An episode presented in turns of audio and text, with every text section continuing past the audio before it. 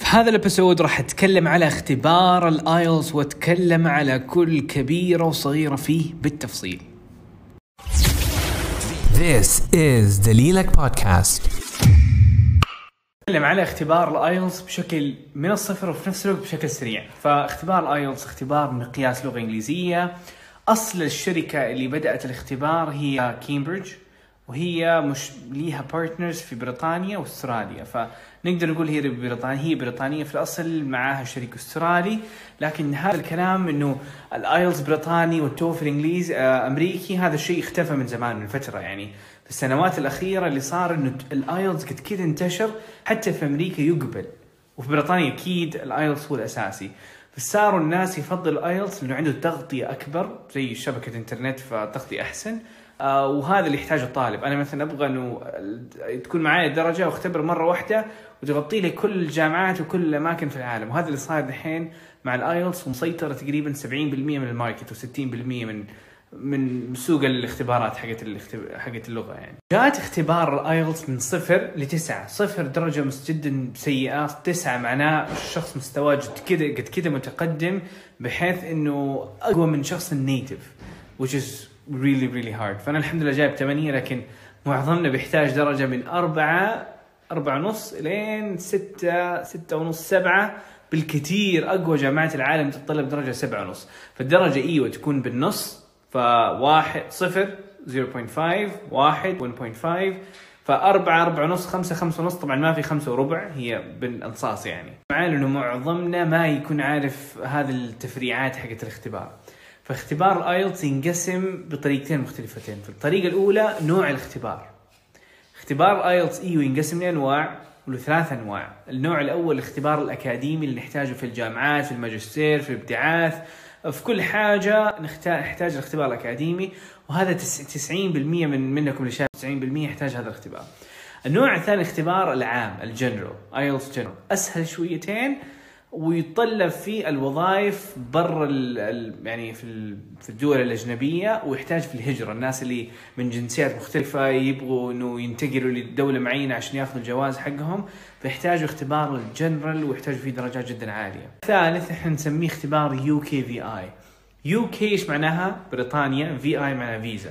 فهذا الاختبار خاص بالفيزا البريطانية سواء كانت فيزا آه، دراسة، فيزا عمل، فأي أحد يتجه لبريطانيا يحتاج انه يختبر هذا النوع من الاختبار واللي مرة ثانية هذا النوع كمان ينقسم لنوعين أكاديمي وعام. فاللي اللي بيهاجر لبريطانيا حيحتاج ال UKVI العام للهجرة وللوظائف. واللي يروح عشان يدرس في بريطانيا فيحتاج ال UKVI الأكاديمي. هو نوع ال UKVI إيش فرق إيش الفرق بينه؟ ال UKVI الأكاديمي إيش الفرق بينه وبين الأكاديمي العادي؟ فقط إجراءات أمنية إضافية وسعر مخفض للاختبار. فهم بنفسهم ال IELTS ياخذوا تقريبا أرخص الاختبار الاختبار العادي ب 1155 وأنا قاعد أتكلم اليوم. وال UKVI 900 وشوية ما أتذكر كم 945 أتوقع. آه فأقل ب 100 و 200 ريال تقريبا يعني. UKVI زي ما قلت لكم بشكل ملخص يستخدم إذا أنت ناوي تبتعث تهاجر تدرس في بريطانيا آه تحتاج هذا النوع. هو هو نفس الاختبار العادي. فقط يعني نقول بشكل مركزي وبشكل أساسي عندنا نوعين من الاختبار. فلازم تعرف قبل ما تبدأ مذاكرتك هل أنت ناوي تختبر اختبار أكاديمي؟ فالأمور بسيطة واضحة وأنا دائما أشرح الاختبار الأكاديمي لأنه زي ما قلت لكم 95% مننا يحتاج الاختبار الأكاديمي. بعدين عندنا الاختبار العام هو 70% نفسه نفس الاختبار لكن في 30% من الأشياء تختلف في الكتابة وفي قسم القراءة. بتختلف وأشياء كذا أسهل نوعا ما. ما هو سهل بشكل كبير لكن إيه فروقات بسيطه وشرحتها كمان ويمديك تلاقيها في القناة إذا أنت مهتم بالاختبار العام. سؤال مرة اساسي عبد الرحمن إذا أنا ماني ماني محدد يعني أبغى أروح بريطانيا أو أمريكا أو أستراليا أو ممكن أبقى في السعودية فإذا اختبرت اختبار هل يمديني إيش الاختبار المفروض أحجزه؟ فأنا الإجابة هي إنه to be in the safe side احجز الاختبار ال UKVI واحتمال كبير لأنه أنا بنفسي سمعت يعني تحققت من هذا الموضوع إنه شهادة ال UKVI ودرجة اختبارك في ال UKVI معظم الأحيان بتنقبل في أستراليا تنقبل في بريطانيا تنقبل في السعودية كمان. لكن مع إنها أصلا مخصصة لبريطانيا. فالناس يقبلوها بشكل عام. ممكن في جامعة تقول لك إيوه لا فأنت عليك تتأكد من ال decision هذا. لكن إذا أنت حاسس إنك رايح لبريطانيا ف لأنه لا تختبر الاختبار العادي اللي بدون UKVI لأن هي إجراءات أمنية ويحتاجوها أو إذا اختبرت العادي ما حيقبلوه. فأحسن إنك أضمن لك إنك تختبر ال UKVI وإذا ما احتاجوه مثلا أو غيرت رأيك أو حبيت إنك تدرس في أمريكا ففي احتمالية 50 60 إجابة بشكل سريع إنه هل ال UKVI يحل محل الاختبار العادي؟ بشكل عام معظم الأحيان إيوه لكن again just to be in the safe side لا تاخذوا كلامي كذا تروح الجامعة تقول لازم تقبل لا. هي القرار يعتمد من جامعه لجامعة وتأكدت مع أكثر من جامعة قالوا إيوه نقبل ما فيها مشاكل. ف احتمالية 60 70% الاجابه إيوه هي نفس الشيء تقريبا آه وحيغطي لك ال UKVI لأي مكان بشكل عام. ركزوا معايا، تكلمنا على أنواع اختبار IELTS ولازم تكون عارف النوع وزي ما قلت له 50 95% حيكون نوع أكاديمي وتحتاج تعرف إذا حاب تدرس بريطانيا وابتعاثك بيكون في بريطانيا وقتها تحتاج ال UKVI. خلصنا هذه الجزئية ونحطها على جنب. نيجي على الجزئية الثانية اللي هي طريقة اختبار ال IELTS أنت كيف حاب تعطيها؟ عندنا طريقتين. محوسب وورقي. الفرق بينهم ولا شيء من ناحية طريقة الاختبار. المحوسب هو هو نفسه. نفس التكنيكات نفس الشرح نفس الاقسام نفس الأسئلة exactly everything بينهم فروقات بسيطة زي طريقة الاختبار. في المحوسب أكيد حتكون على الكمبيوتر. للثلاث أقسام. عندنا في ايلتس أربع أقسام. فثلاث أقسام اللي هي استماع قراءة كتابة حتكون على الكمبيوتر. والمحادثة حتكون مقابلة.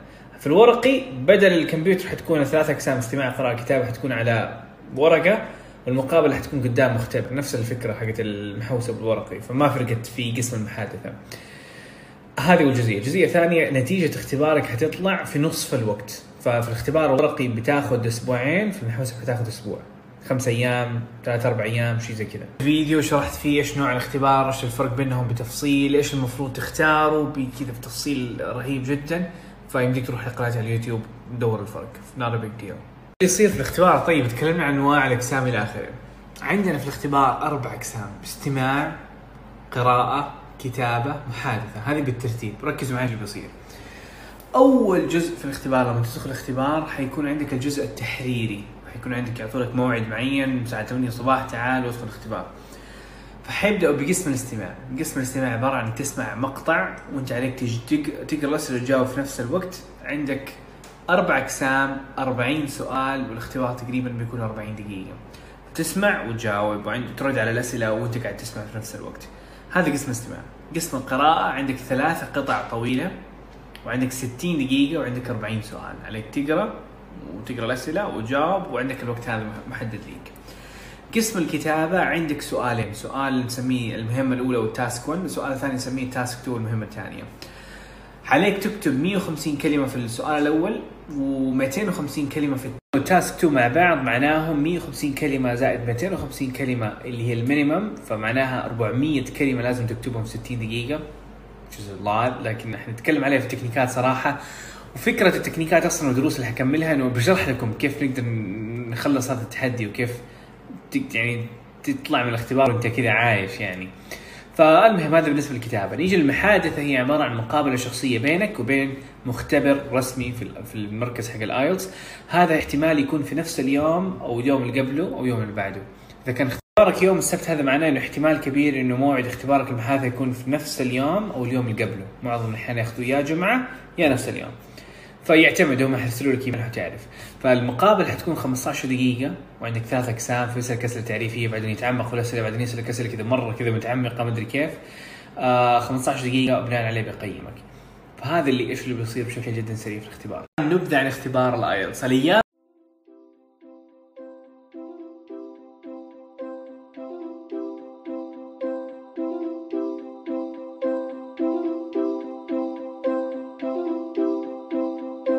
Thank you so much for listening. مرة مقدر اهتمامك واستماعك ودعمك. فهذه الأيام صراحة بحاول إنه أعطي أفضل ما عندي وإنه أساعد الجميع.